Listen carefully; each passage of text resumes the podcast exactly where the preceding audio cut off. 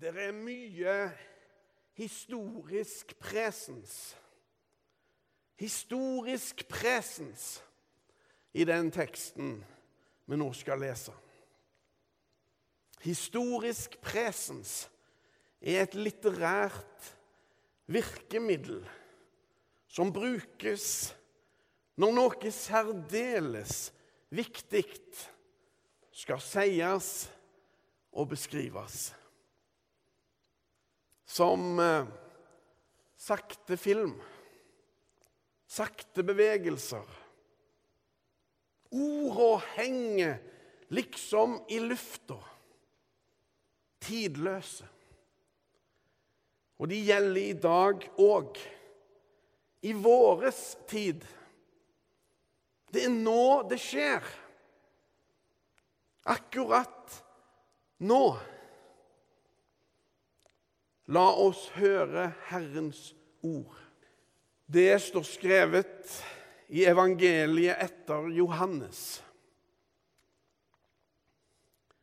Døperen Johannes ser Jesus komme gående mot seg, og han sier, 'Se Guds lam, som bærer bort verdens synd.'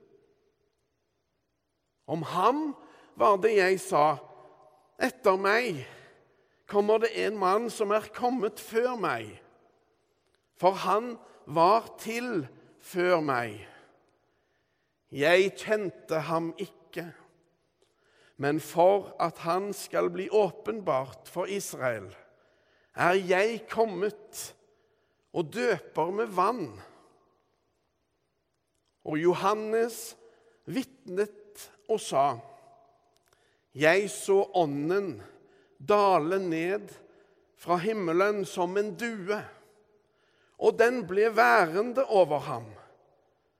Jeg kjente ham ikke, men han som sendte meg for å døpe med vann, sa til meg, Ham du ser Ånden dale nedover og bli hos, han er det som døper med Den hellige ånd. Jeg har sett det, og jeg har vitnet. Han er Guds sønn. Slik lyder det hellige evangelium. NRK TV har nettopp lagt et nydelig hyldningsportrett om Per Inge Torkelsen, som døde nå i høst. Den mangfoldige Per Inge. Det programmet anbefales varmt. Gi ungdommen ei flaske brennevin før idretten tar de. Typisk Per Inge. Han hadde en uredde og direkte humor. Med glimt i øya var idrettskritikeren Per Inge modig nok til å harselere med idretten på dens egen arena. Skihoppskyting hadde vært tøft. Pang! Tolv meter, stein død. Jeg tok han. Den Per Inge. Den Per Inge. Han fikk ganske mye kritikk for sine uredde uttalelser. Han kunne forarge og gi folk bakoversveis. Derfor så ble det òg noen rettssaker av det. Uredde, ja. Uredde var også når han døperen Johannes vi nettopp leste fra sitt utsagn. Denne eneboeren i kamelhårskappe som holdt til ute i ødemarken og spiste villhonning og eh, gresshopper.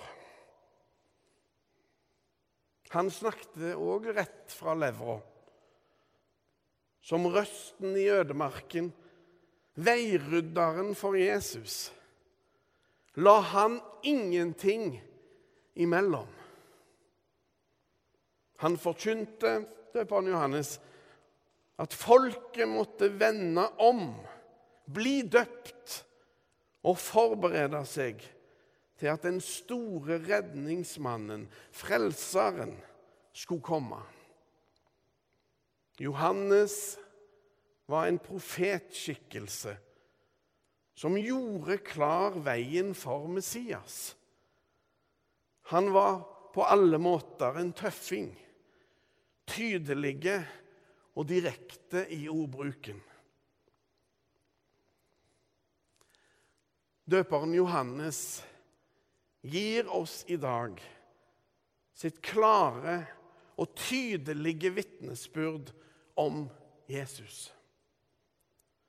Når han sier at han ikke kjente han, er nok det i åndelige forstand.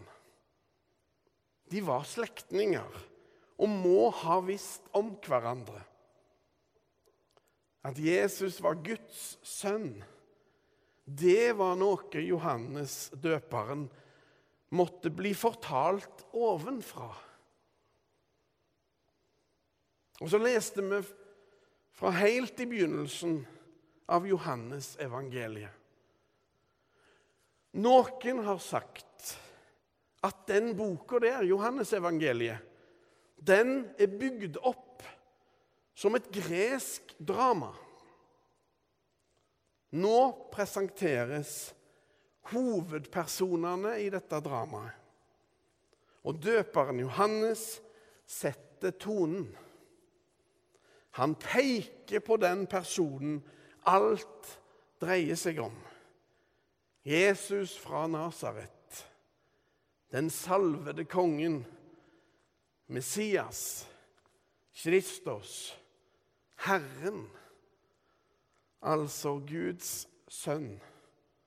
Tonen er satt. Jesus Kristus er viktige. Det gjelder å tro på Han.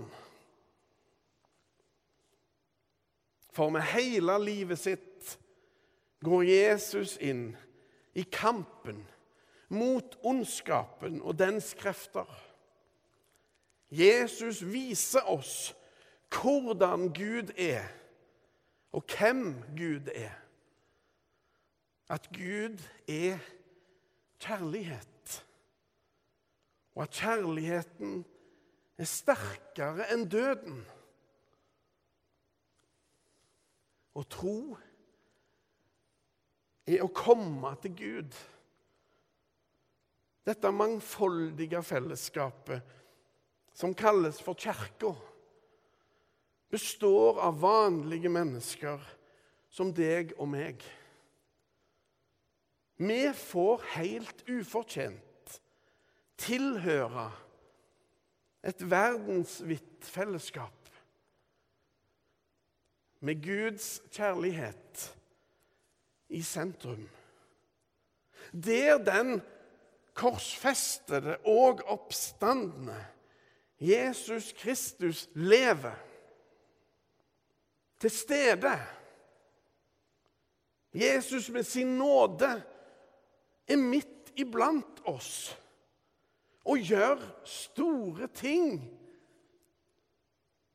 Historiske presens gjelder også nå. I Jesus går den store frelserkongen inn i tjenerens rolle, slik vi leste det fra profeten Jesajas bok. Messias, frelserkongen, går inn i rollen som Herrens lidende tjener og lar seg knuse. Vi skal slippe å klatre opp til Gud slik som den umulige trappa illustrerer det. I Jesus har Gud kommet ned til oss og beseira døden. Verden vil aldri bli den samme igjen. Døperen Johannes gir sitt tydelige svar om Jesus.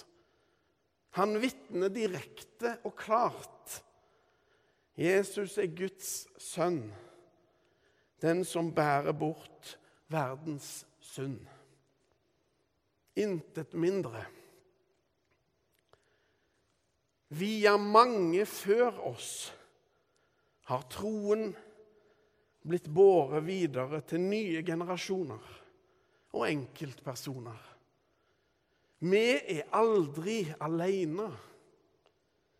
For Jesus lever i oss og går med oss. En mann på dødsleiet ble spurt om han trodde på Jesus. Ja, litt, svarte han. Ja, litt. Et forunderlig godt svar. For vi har ikke alltid så mye tro å vise til. Vår tro er ikke det viktigste. Det viktigste er Han vi tror på. Jesus gikk inn i det mørkeste mørket for at vi skal slippe å gjøre det. Jesus har allerede vært der. Ja, han er der, sammen med oss. Når mørket vil overmanne oss og ta motet fra oss når vi opplever tøffe ting i livet, da skal vi vite at Jesus er der allerede. Midt i det vonde, midt i vår fortvilelse. Jesus vender oss aldri i ryggen. Han går sammen med oss og trøster oss, gir oss nye krefter nytt mot. Lyset kan nemlig ikke overvinnes. Mørket kan ikke vinne over lyset.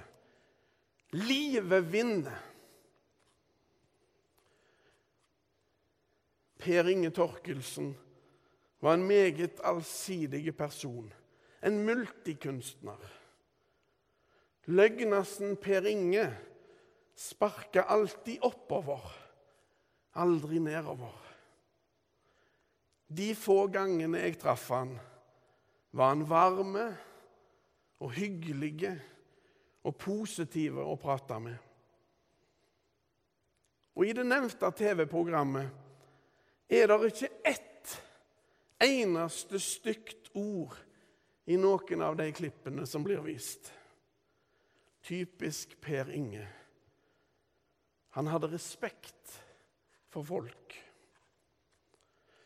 Men han sa en gang 'Jeg takker Gud for at jeg ble ateist'. Det er godt sagt. He? Jeg takker Gud for at jeg ble ateist. I den spissformuleringen der ligger det mye. Per Inge Torkelsens troshistorie var mangfoldige. Og også ikke-tro er en form for tro.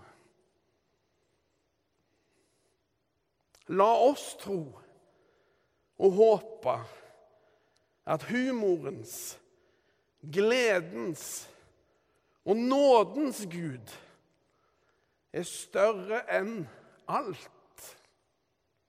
At Jesus, den store seierherren, vekker oss opp til en evig sommerdag. At alle våre begrensninger, egoisme, sløvhet, motvilje og svake tro har sin overmann.